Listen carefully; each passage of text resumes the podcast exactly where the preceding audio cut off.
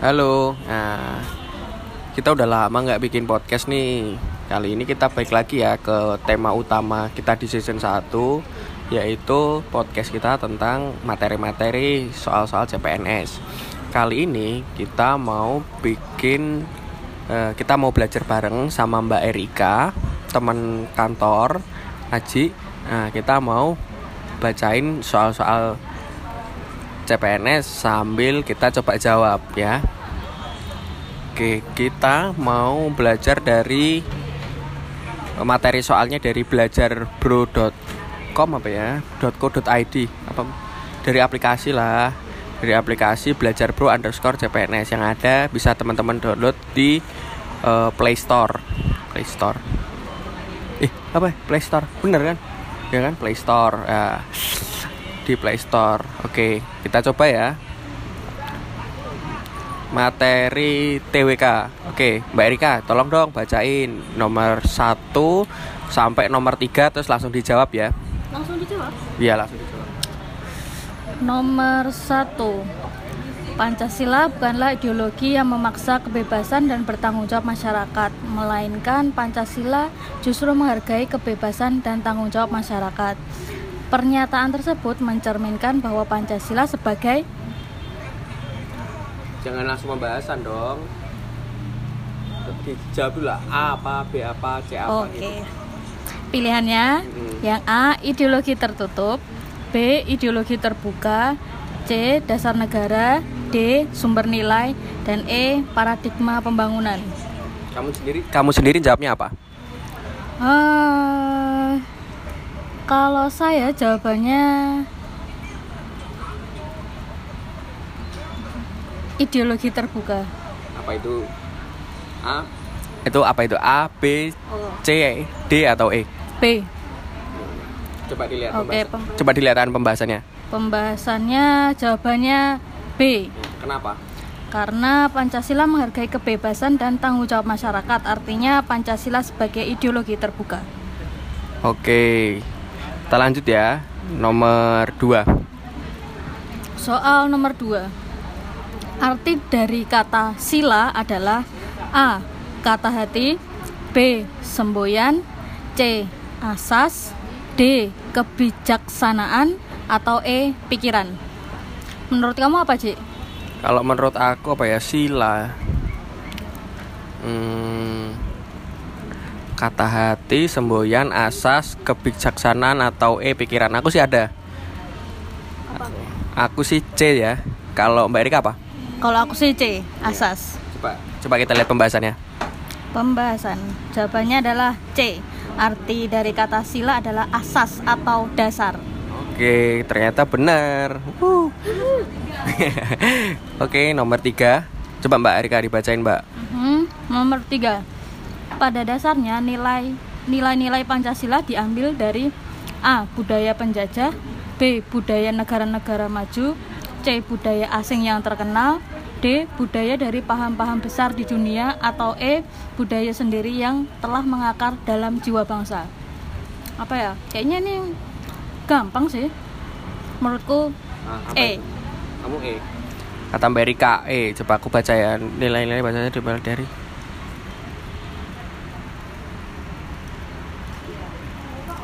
Iya sih ya bener E. Kamu udah belajar banyak ya Mbak? Enggak juga sih. Tapi ini kayaknya cukup gampang maksudnya pilihan-pilihan lain agak nggak make sense saja. Hmm, ya kan budaya penjajah bisa. Enggak lah, enggak enggak enggak Indonesia banget lah kalau ngikutin penjajah. Coba kita lihat ya pembahasannya ya. Pembahasannya jawabannya adalah E. Nilai-nilai Pancasila diambil dari budaya sendiri yang telah mengakar dalam jiwa bangsa. Wah kayaknya seru banget sih ya tentang TWK ini. Coba kita lanjutin ya. E, nomor 4 Tokoh dari ideologisme sosialisme adalah A. Karl Marx B. Adam Smith C. Plato D. Aristoteles E. Soekarno Aduh, kok agak susah ya ini kayak nama-nama gini. Kira-kira kayak gini tuh bakal muncul nggak sih Mbak kalau pengalaman Mbak ikut CPNS selama tiga tahun ini? Kayaknya sih nggak banyak deh soal-soal kayak gini tuh. Cuman ya siapa tahu keluar kan. Jadi apa salahnya kita belajar? Tapi menurutku nebak-nebak aja sih yang pernah denger nama-namanya mungkin yang A Karl Marx Karl Marx kayaknya sih memang apa ya Mbak Erika ini punya sense yang kuat ya pembahasan jawabannya lah A Karl Marx bener, bener. Karl Marx merupakan tokoh ideologisme komunis, marxisme, dan juga sosialisme. Jadi Karl Marx ini memang tokoh uh, uh, sosialisme yang udah kuat banget. Jadi uh, apa ya? Sekarang kan lagi anak-anak muda sekarang kan senang banget itu loh baca tentang ideologi kayak gitu. Salah satunya itu tentang dari Karl Marx ini. Itu uh, banyak juga buku karangannya dari Karl Marx ini gitu. Oke kita lanjut ya nomor 5 Gedung Cuwo Sangiin. Udah pernah dengar apa belum mbak? Kayaknya sih pernah. Barusan. Barusan gitu. Yang kini dikenal dengan sebutan Gedung Pancasila. Pada zaman Belanda merupakan A. Gedung Permusyawaratan B. Gedung Perwakilan Rakyat C. Gedung Kantor Berita Jepang D. Gedung Perintis Kemerdekaan atau E. Pusat Pemuda Rakyat Gedung Cuo Sangiin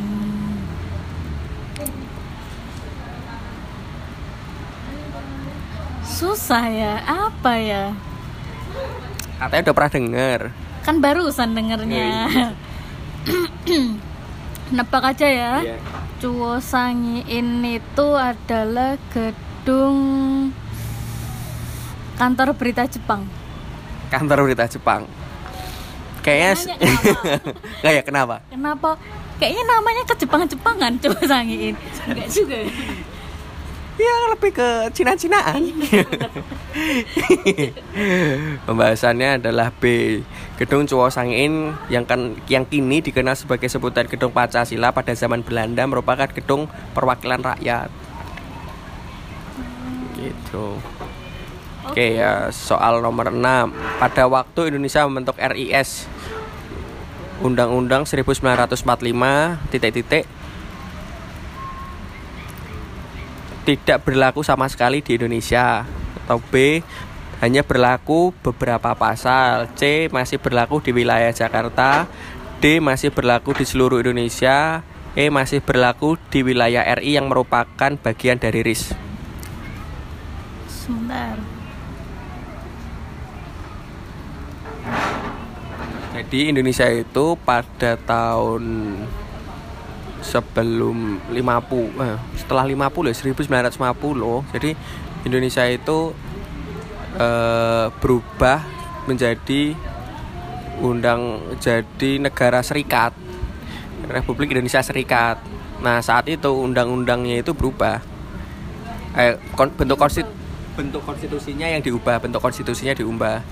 Terus nah sekarang waktu itu tuh undang-undang dasar 1145 itu masih dipakai atau enggak atau hanya dipakai yang masih di RIS aja atau gimana Kayaknya sih hanya berlaku beberapa pasal. Jadi kan waktu eh, kayaknya ya, nih waktu Indonesia membentuk RIS kan berarti konstitusi yang berlaku adalah UUD RIS. UUD RIS apa UUDS UUD RIS. UUD RIS kan. Nah, pertanyaannya UUD RIS itu eh, apakah UUD 45 itu masih masih masuk ke dalam UUD RIS gitu kan? Kayaknya hanya beberapa pasal yang masuk ke UUD RIS itu. Jadi jawabannya B ya kalau menurut Mbak Erika ya. Coba kita lihat pembahasannya. Jawabannya adalah E. Nye. Pada waktu Indonesia membentuk RIS Republik Indonesia Serikat Undang-Undang 1945 masih berlaku di wilayah di wilayah RI yang merupakan bagian dari RIS. Eh, Jadi Oke. gitu, sis. Ya. Oke. Kita coba belajar di materi lain ya. Biar ndak eh, TWK aja. Kita refreshing, kita coba ngerjain soal TIU. Yo gampang aja lah. TIU yang tentang eh, analogi. Jadi analogi. Coba. Kayak ini soal tiul yang tentang analogi. Contoh nomor satu nih. Kalau pisau itu dengan tempa. Kalau patung dengan apa? Ulangi ya. Pisau dengan tempa. Kalau patung A. Pahat B. Kayu C. Hiasan D. Seni E. Arca Apa Ci? Wah, balikin ke Aji lagi nih. Kalau Aji pisau tempa. Jadi hubungan mereka itu kan proses untuk membentuk kan. Mem proses untuk membuat kan kalau mau membuat pisau berarti kan ditempa dulu. Kalau patung proses membuat patung itu uh, dipahat A. Oke, kita cek jawabannya ya. Jawabannya yang benar adalah A. Benar.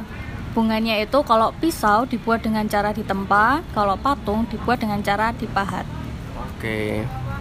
Coba Mbak, kita lanjut soal selanjutnya ya. Oke, soal nomor 2.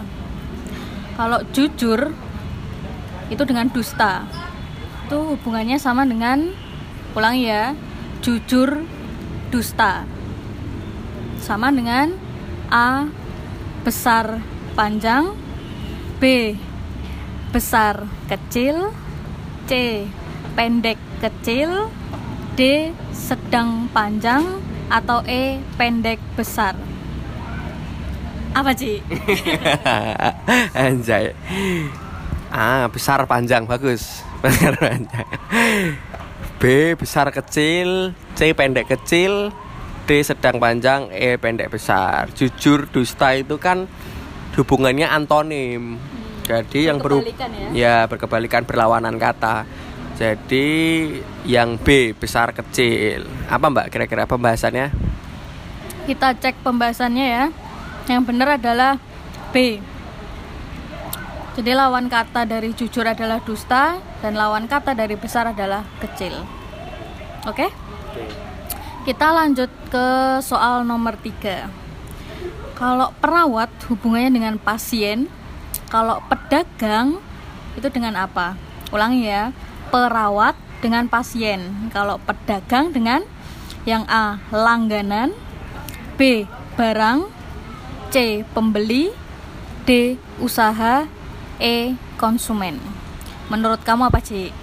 Wah, ini agak susah juga ya. Karena ini kan hubungannya kayak apa ya? Kayak perawat pasien gitu tuh. Sedangkan pembeli sama konsumen tuh kayak mirip juga gitu loh. Kayak pedagang perawat. Kenapa nggak dokter pasien gitu? Ya nggak sih? Iya sih. Ya kan? Kenapa perawat? Perawat pasien atau mungkin antara konsumen dengan tapi aku sih lebih condong ke pembeli ya. Kalau mbak Erika gimana?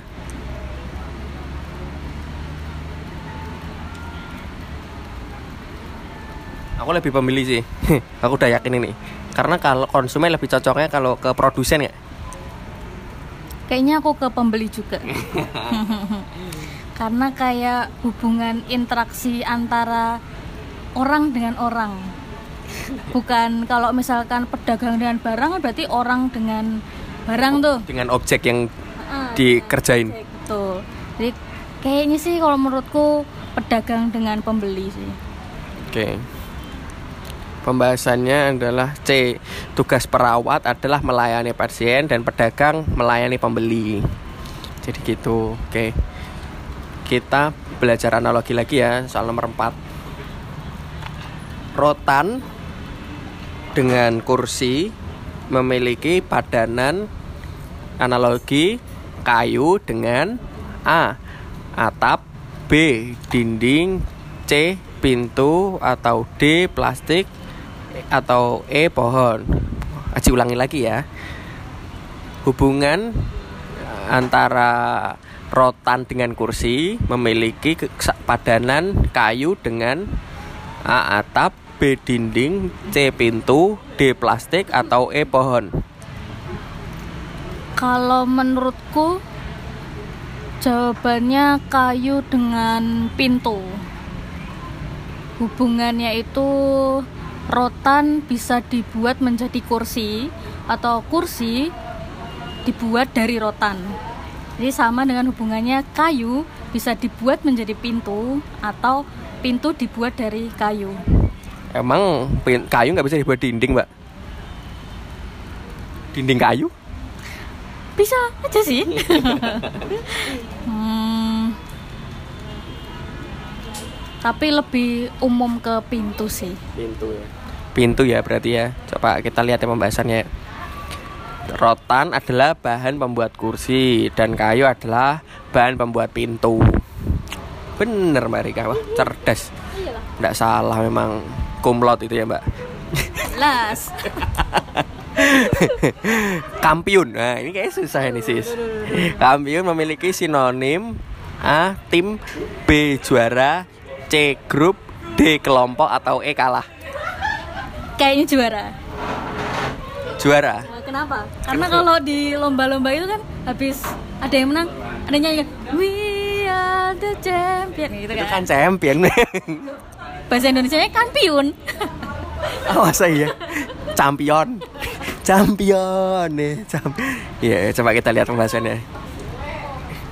Kampiun adalah pemenang terakhir.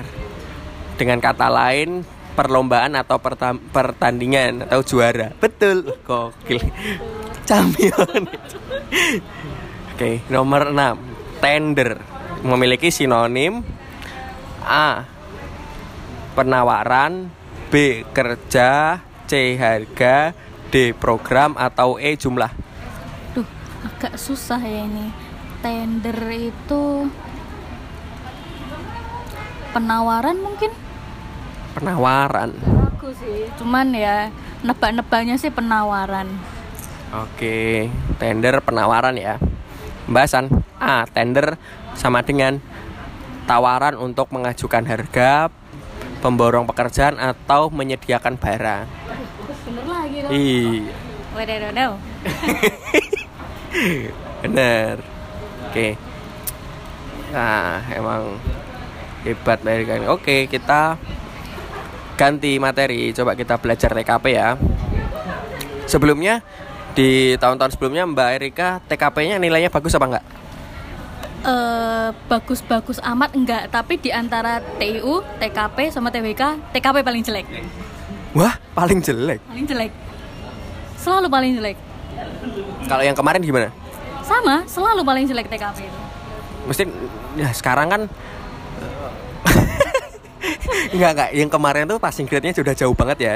Yang kemarin itu TIU aja cuma 80 apa ya? Eh, 80. Oh, kamu eh kalau Mbak Erika kemarin kan ambil formasi kumlot berapa sih passing grade-nya untuk itu? Lupa saya sebenarnya. Tapi kan kalau nggak salah waktu itu eh, yang kumlot itu yang ada passing grade-nya cuman TIU kalau nggak salah. Iya. 100 nggak? Lupa saya angkanya sebenarnya. Oh. Cuman dari pengalaman-pengalaman sih nggak tahu kenapa TKP itu nilai saya selalu paling rendah di antara nilai yang lain. Jadi kalau nggak salah sih di bawah 100 malah. Wah, berarti Mbak Erika harus banyak belajar. Nah, ini dia makanya sekarang kita belajar tentang TKP. bagus ya bridgingnya ya. Oke, bridgingnya bagus. Wah, udah memang hebat. Oke, nomor 21. Langsung Mbak, baca Mbak. Soalnya panjang malas aku bacanya. Azan sih, tapi nggak apa-apa ya sebentar aja. Aduh, nanti kita harus planning dulu nih Mbak nih. Azan ya ya. Nah, setelah azan tadi kita lanjutin ya Mbak. Oke. Oke, kita coba nomor satu. Apa ini soal tentang apa? Oh, tentang TKP. Soal nomor satu. Apa yang Anda lakukan bila terjadi bencana alam di wilayah Anda? A. Saya akan menyumbangkan seluruh gaji saya bulan ini untuk korban bencana alam tersebut. B. Saya akan menyumbangkan sebagian gaji saya karena saya pun membutuhkan biaya hidup untuk diri sendiri dan keluarga. C. Saya mengajak rekan-rekan kerja di kantor, kerabat, dan siapa pun untuk menyumbang sesuai dengan kemampuannya bagi korban bencana alam. D. Saya laporkan kepada atasan di kantor agar menyalurkan sumbangan. E. Saya percaya pengelolaan sumbangan bagi korban bencana alam seperti itu akan diatur oleh pemerintah. Hmm, gimana ya? Apa nih jawabannya sih kira-kira? Menurut kamu deh? Aku nih ya. Aku aku sih C. Kalau Mbak Erika, kalau Mbak Erika apa? Kalau aku C juga. Kenapa? Kayak idealis gitu. Oke deh. Kalau aku sih kenapa nggak A? Menyumbangkan seluruh gaji saya. Ya walaupun gaji saya sebelum-sebelumnya masih ada, tapi kalau menyumbangkan seluruh gaji kayaknya ya ibaratnya ibaratnya bulan ini berarti aku nggak makan sama sekali dong kebutuhan hidupku nggak tercukupi dong diri sendiri dong. Iya, menzolimi sendiri. Aku juga nggak sebaik itu. terus terus menyumbangkan sebagian gaji karena saya pun membutuhkan. Ini make sense sih. Bener sih sebenarnya ini. Cuman dari lima pilihan mungkin ini bisa skor 4 lah. Oke. Kalau yang C itu kayak mengajak rekan-rekan kerja kantor walaupun kampret ya. Ada teman yang jadi terpaksa mau baik. terus jadi jadi harus ikuti. Iya kan? Tapi jadi harus ikut-ikutan. Gak apa-apa kan mengajak kebaikan nggak salah. Iya, kita kan kalau mau mendapatkan pahala harus ngajak yang lain, jangan egois. Mm-mm, masa pahala dibuat sendiri? Nah iya, terus kalau yang D melaporkan lapo, laporkan kepada atasan di kantor agar menyalurkan sumbangan. Masalahnya atasan saya, atasan saya itu Jadi gibah nanti ya. oh iya iya iya iya. Maksudnya berarti usaha kita kurang, mau kita minta tolong. Oh, waduh, gimana dong? Harusnya kan dari hati kita sendiri. Yang E, saya percaya pengelolaan sumbangan bagi korban bencana alam seperti itu akan diatur. Ya terlalu pasrah sis. Iya bener. Jangan gampang percaya sama orang juga. bukan dia percaya sama orang tapi jangan terus ya pasrah kita ndak ada usaha maksudnya begitu oke pembahasan nilai tertinggi adalah C bener kita Ya nomor 4 yang apa? Yang skornya 4. skornya 4 B menyumbangkan sebagian gaji Oke. Bener kan? yo i bener oke soal nomor 2 Soal nomor 2. Anak Anda malas bangun pagi untuk berangkat ke sekolah, maka A. marah dan memarahinya dengan keras. B. Menasihatinya untuk menjaga semangatnya. C. Marah dan memberi hukuman. D. Memaksa tetap berangkat ke sekolah. E. Membiarkan ia kembali tidur. Aduh, ini mah tergantung kamunya gimana nih. ya ini kan pertanyaannya Orang pemarah apa bukan? bukan masalah pemarah sebagai orang tua yang ideal seharusnya seperti apa begitu walaupun kenyataannya seringnya tidak ideal Atau mungkin pengalaman kamu sendiri kalau sama orang tuamu sering dimarahin atau gimana? kalau poin 5 kira-kira apa ya Kalau menurut saya sih poin 5 kayaknya yang bagus itu yang B deh. Menasihati, menasehatinya untuk menjaga semangatnya. hmm, males bangun pagi berangkat ke sekolah kalau aku dulu sih katanya budal kono ora budal tak gerujuk banyu loh ora gelem tangi tak gerujuk banyu loh Di translate bisa.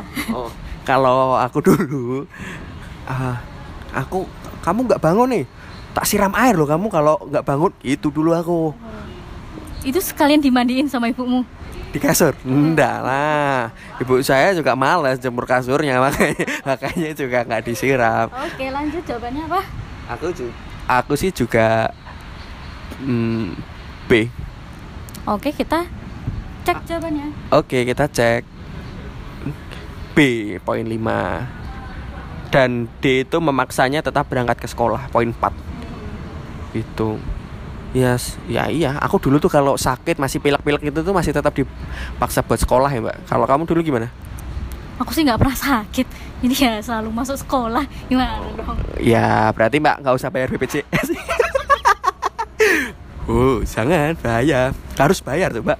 Itu kan sebagai calon program pemerintah kan. betul. Calon PNS yang baik ya menunggu pemerintah. Yo, kita harus mendukung itu. Oke, nomor tiga. Nomor tiga, Jika saya memiliki bawahan yang kompetensinya rendah, maka A. Saya menuntutnya untuk meningkatkan kemampuannya B. Saya menegaskan bila dia tidak meningkatkan kemampuannya, maka saya tidak segan akan mem- memberhentikannya. Yang C.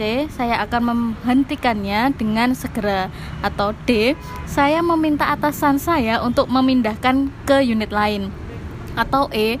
Saya membimbingnya dan memintanya untuk meningkatkan kemampuannya. Ah, Ya. ini Acik mungkin punya ini pengalaman pribadi tentang ini. Anjay. Kalau di kantor gimana sama atasan? Astagfirullah. Kalau di kantor kan baik banget nih kantor kita itu tuh Oh, bener sih. Atasannya juga baik banget kan? luar biasa. Nah, Nah, di situ pasti kita akan disupport yang terbaik. Wih, berarti eh harusnya sih apa ya? Eh, Jadi kita harus sebaiknya sih anu eh, Allah saya menuntutnya untuk meningkatkan kemampuannya. Oh, aku harusnya E, E. Hmm, aku punya jawaban lain. Aku sih jawabannya E. Saya membimbingnya dan memintanya untuk meningkatkan kemampuan. Apa kalau kamu sebagai atasan apa nggak merepotkan? Mendingan langsung diberhentikan aja, Mbak. Ya jangan dong, kita sekali, dua kali, tiga kali berilah dia kesempatan untuk belajar. Manusia itu kan sifatnya bisa untuk belajar. Iya ya, kalau udah tiga kali nggak belajar belajar kick aja ya, Mbak ya. Ya bener, kenapa punya bawahan yang selalu menyusahkan? Kan gitu. Oke, kita lihat ya. Nilai poin tertinggi 5 adalah E, betul. Dan aku tadi kan langsung jawab A ya. Sempat jawab A ya. Itu poinnya 4, Mbak. Oke. Lumayan lah, empat. Lumayan kan empat? Ya, lumayan. Oke ya. Karena lumayan nomor 4, sekarang kita jawab soal nomor 4 ya. Oke, boleh, boleh, boleh. Aduh. Nomor empat. Eh, harusnya kan kamu nih nomor empat. Oh iya ya. Dong. Oh iya. Suatu hari Anda pulang jam 1 WIB. Jam 1 pagi ini, dini hari. Menuju rumah dalam kondisi tubuh yang sangat lelah. Di jalan Anda mendapati kecelakaan. Apa yang akan Anda lakukan? A. Melihat situasi terlebih dulu jika memungkinkan, maka saya tolong. B. Langsung pulang saja karena bagaimanapun juga kondisi badan sangat lelah sekali. Kemudian C. Pergi saja karena sudah ada orang yang mendekati korban tersebut, pastilah sudah ada yang menolong. D. Melihat sepintas apakah korban parah. Jika parah akan saya tolong. Atau E. Langsung pulang saja. Paling-paling hanya eh, acting. acting perampok jalanan yang sedang melakukan aksinya. Nah, ya ini juga. Atau acting sinetron? Jam satu malam ada yang syuting sinetron? Iya, ternyata GGS Atau prank youtuber? Atta Halilintar. Siap. Oke, kalau nomor 4 ini eh, harusnya sih jawabannya ah, kalau aku sih A. Em, Eh, aku jawab sih harusnya kamu dong. ya nggak apa-apa. Kalau aku sih, bentar ya. Kalau aku jawabnya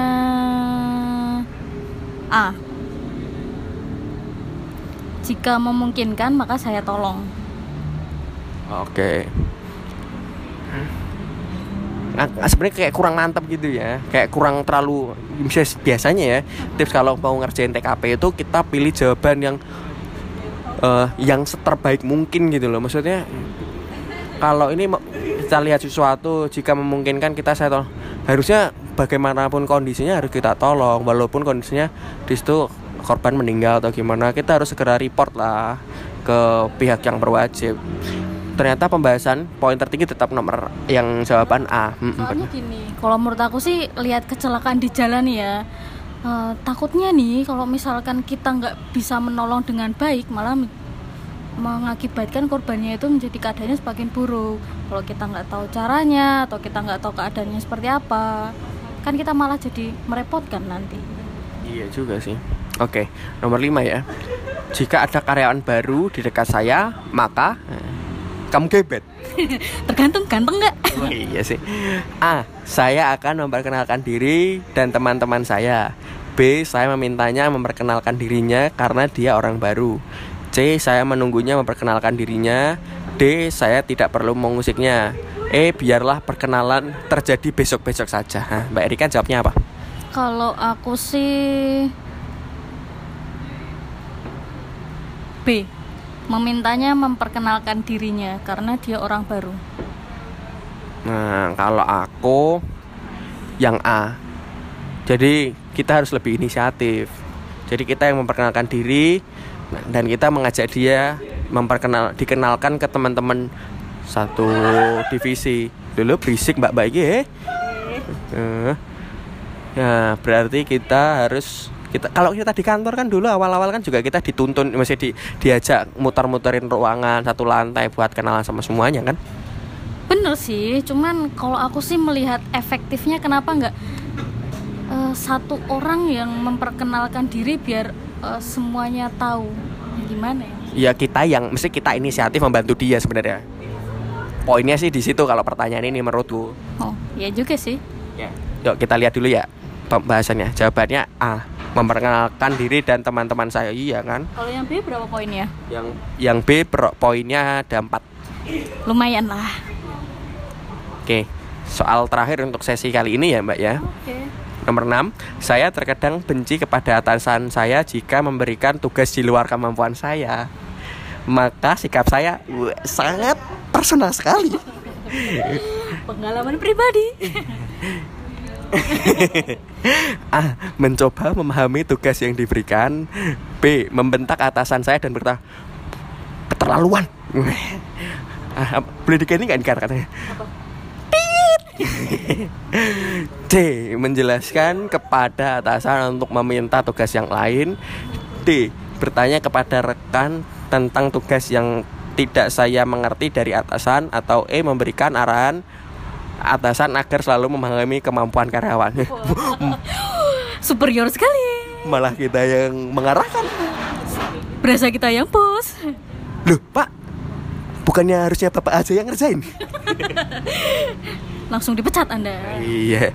Nanti kita nggak sesuai dengan yang pertama tadi dong bosnya. Berarti Harusnya kan yang tadi kan diberi kasih tahu dulu. Oh iya. Iya. Kalau kamu jawabannya apa nih mbak? Oke, ah, mikir dulu ya. Kalau saya sih ah, masih bingung sih ada dua opsi sih antara A sama D. Tapi mungkin lebih ke hmm, D mungkin. D. Bertanya kepada rekan tentang tugas yang tidak mengerti dari atasan Aku lebih ke A. Mencoba memahami tugas yang diberikan Kalau kita nanti nanya-nanya Ya kurang sip lah Kita harus berusaha Kalau udah mentok nah, Baru kita mikir terus sampai tahu daripada nanti kita dihina-hina ya kita lihat ya pembahasannya apa ya. Poin terbaik adalah D. Jadi mending dihina kan? iya sih wah. Mending dihujat sama temen ya. Yoi. Daripada dihujat atasan? iya juga sih. Bener D mbak. Poin 5 A tadi. Ternyata poinnya cuma 4 Hmm, tapi ya lumayan lah empat. ya berarti mbak Erika udah mulai udah belajar banyak nih tentang TKP Iya nih semoga habis belajar ini nih bisa makin tinggi nilai TKP-nya. Eh, lolos jadi PNS. mantap oke thank you ya mbak Erika Oke, sama-sama. Oke teman-teman semuanya Udah selesai kita belajar sama Erika Dari T TWK, kemudian TIU Nah terakhir tadi tentang TKP Kita belajar itu harus enjoy Kalau kita nggak bisa belajar sendiri Atau belajar sendiri itu Baru bentar aja udah bosan kan pasti kan. Kita udah tanpa sadar Udah berapa Hampir setengah jam mungkin kita tadi udah belajar. Dan itu terbawa lebih enjoy ketika kita ada teman diskusi ngobrol. Saya rasa teman-teman bisa belajar sambil dengerin podcast ini kan. Nah, itu kan jadi lebih asik. Oke. Sampai ketemu di eh, episode selanjutnya ya. See you